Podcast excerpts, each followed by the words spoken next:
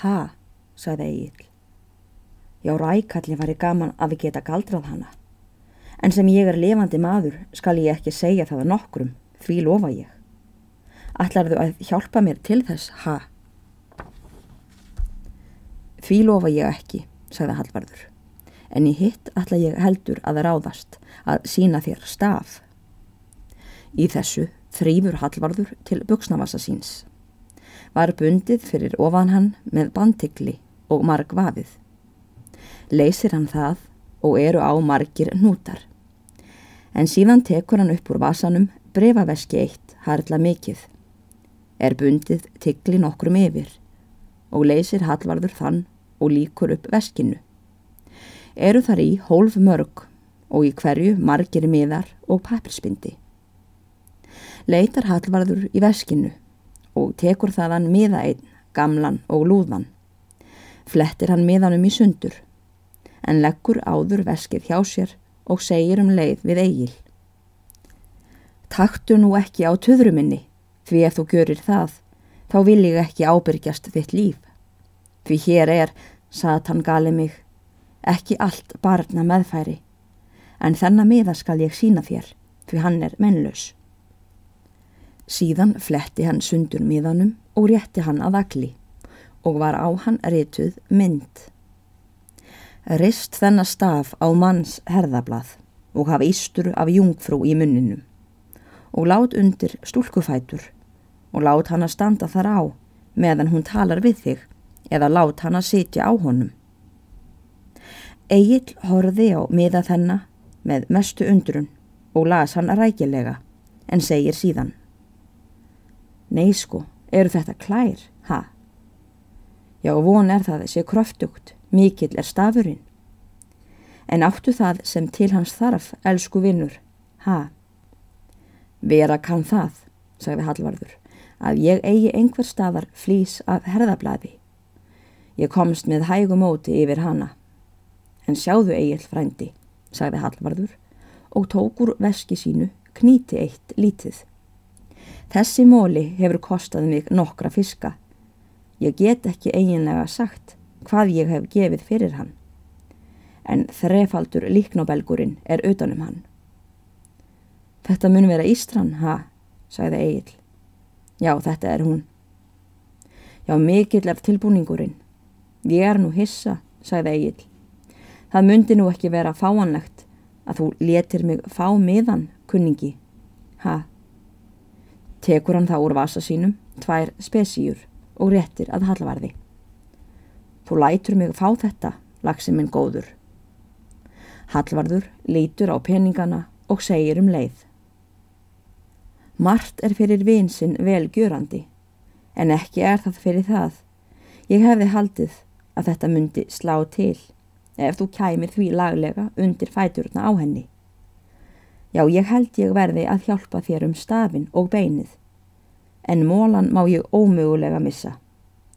Ég skal segja þér það Þó hann sé ekki stór, þá fæst hann ekki allstaðar.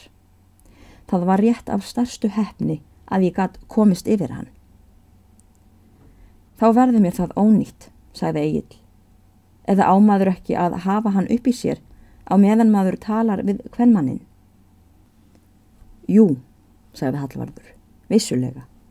Maður á að hafa hann hérna, kunningi, hægra megin, út í gúlnum. Ég sé það, þú verður að fá mólan annars verður þér það ekki til neins. Ég held ég verði þá heldur að ljá þér hann, en ekki selj ég þér hann, hvað sem þú býður mér. En þetta verði ég að gjöra, af því þú ert í mestu forlegin heitum, en ekki hef ég gjört það fyrir alla. Í þessu réttir hann að honum herðablaðkinn og ístrumólan, en stingur hjá sér penningunum. Egil stendur þá upp og kissir Hallvarð en Hallvarður segir Vertu ekki að þakka það, kunningi, fyrir en þú veist hvernig það reynist, en ég vona það verði þér að góðu ef þú kant með að fara. Það verða nú vandraði fyrir mér, hvernig ég á að koma henni til að standa á herðablaðinu. Ekki ætla ég að vorkina þér það, kunningi, að finna upp eitt hvaða ráð til þess. Ég hafi það svo að ég saumaði beinið inn í vettlingin minn og svo leti ég hann detta neður þar sem hún stóð, svo hún varð ekki vöru við. Og að meðan var ég að tala við hanna og svo stið hún óvart ofan á hann. Og þarna vissi ég ekki fyrir til en hún fór að gefa mér auga svona eins og þær gjöra þegar þeim líst á mann og kafróðnaði í framann þá vissi ég hvaða stúlkunni var og það þurfti ekki meira heldur. Egil hvaðst hennu sama ráði fylgja vilja. Sátu þeir nú um hríð og tæmdu kútin er þá okkomin dagur að kvöldi og hugsa Egil til heimferðar. Stingur hann úr miðanum herðablaðinu og mólanum í vasasinn og býr um sem andlegast Útvegar hann sér nú hest á gili og er honum leður hann og sagt að skilji hann eftir á hlýðarhálsi. Mundi hann þá rata heim aftur. Og er eigill er á baksestur, gengur hallvarður á veg með honum út fyrir tún. Hveðjast þeir þar með kossum og blíðlátum og mæla til vináttu hvor við annan, en síðan rýður eigill á stað. Hallvarður gengur til bæjar og er þeir eru skamt farnir, snýr Hallvarður við aftur og kallar eftir agli og segir Blessaður, mundu mig um mólan. Upp á trú og æru, svaraði Egil. Eftir það rýður Egil leið sína heim til hlýðar og er honum nú fremur létt í skapi og þykir honum sín ferð vel hafa ráðist. Og er hann nú alla leiðina ímist að hugsa um það hvernig hann geti laglegast komið beininu undir fætur Sigrúnar eða í sæti hennar eins og fyrir hann var lagt og verðist honum það engin hagðar leikur. Þess á milli var hann að ímynda sér og gjöra ráð fyrir öllu hvernig fara myndi þegar hann var í búin að töfra Sigrúnu og henni snúin hugur svo hún vildi fyrir hvern mun eiga hann. Hann hvaðst myndi verða drildin við hann í fyrstu og láta hann að ganga eftir sér og stríða henni dálitið fyrst og launa henni svo lampið gráa hvernig hún áður tók bónorði hans. En því meira myndi hún sækja á. Þórtísu gömlu skildi hann storka með því að hann væri ekki þurfandi fyrir að taka Sigrúnu upp á götu sinni. Hún væri þó ekki annað en munaðarlaus og félös vinnumannstóttir. Hún erði þá að gefa henni alla sína fjárumunni fasta og lausa eftir sig og kærling myndi allt til vinna að Sigrún gengi ekki frá vitinu.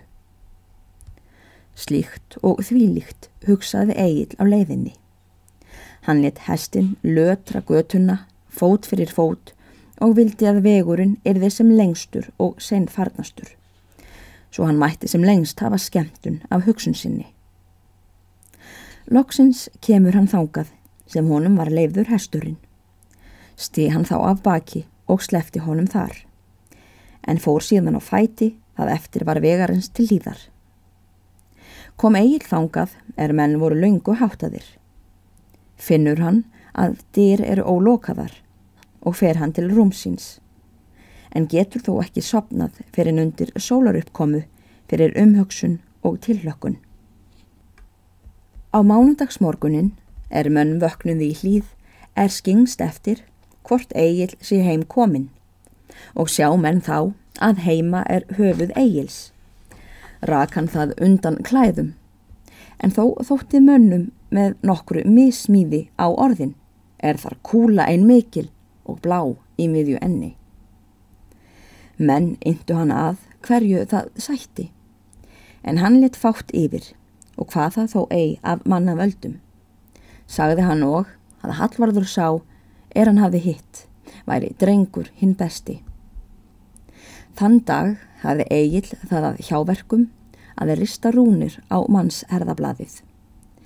En um kvöldið fór Sigurún vistferðlum frá hlýð og aðleiti eins og þó Þórdís og Bjarni höfðu ráð fyrir gjört.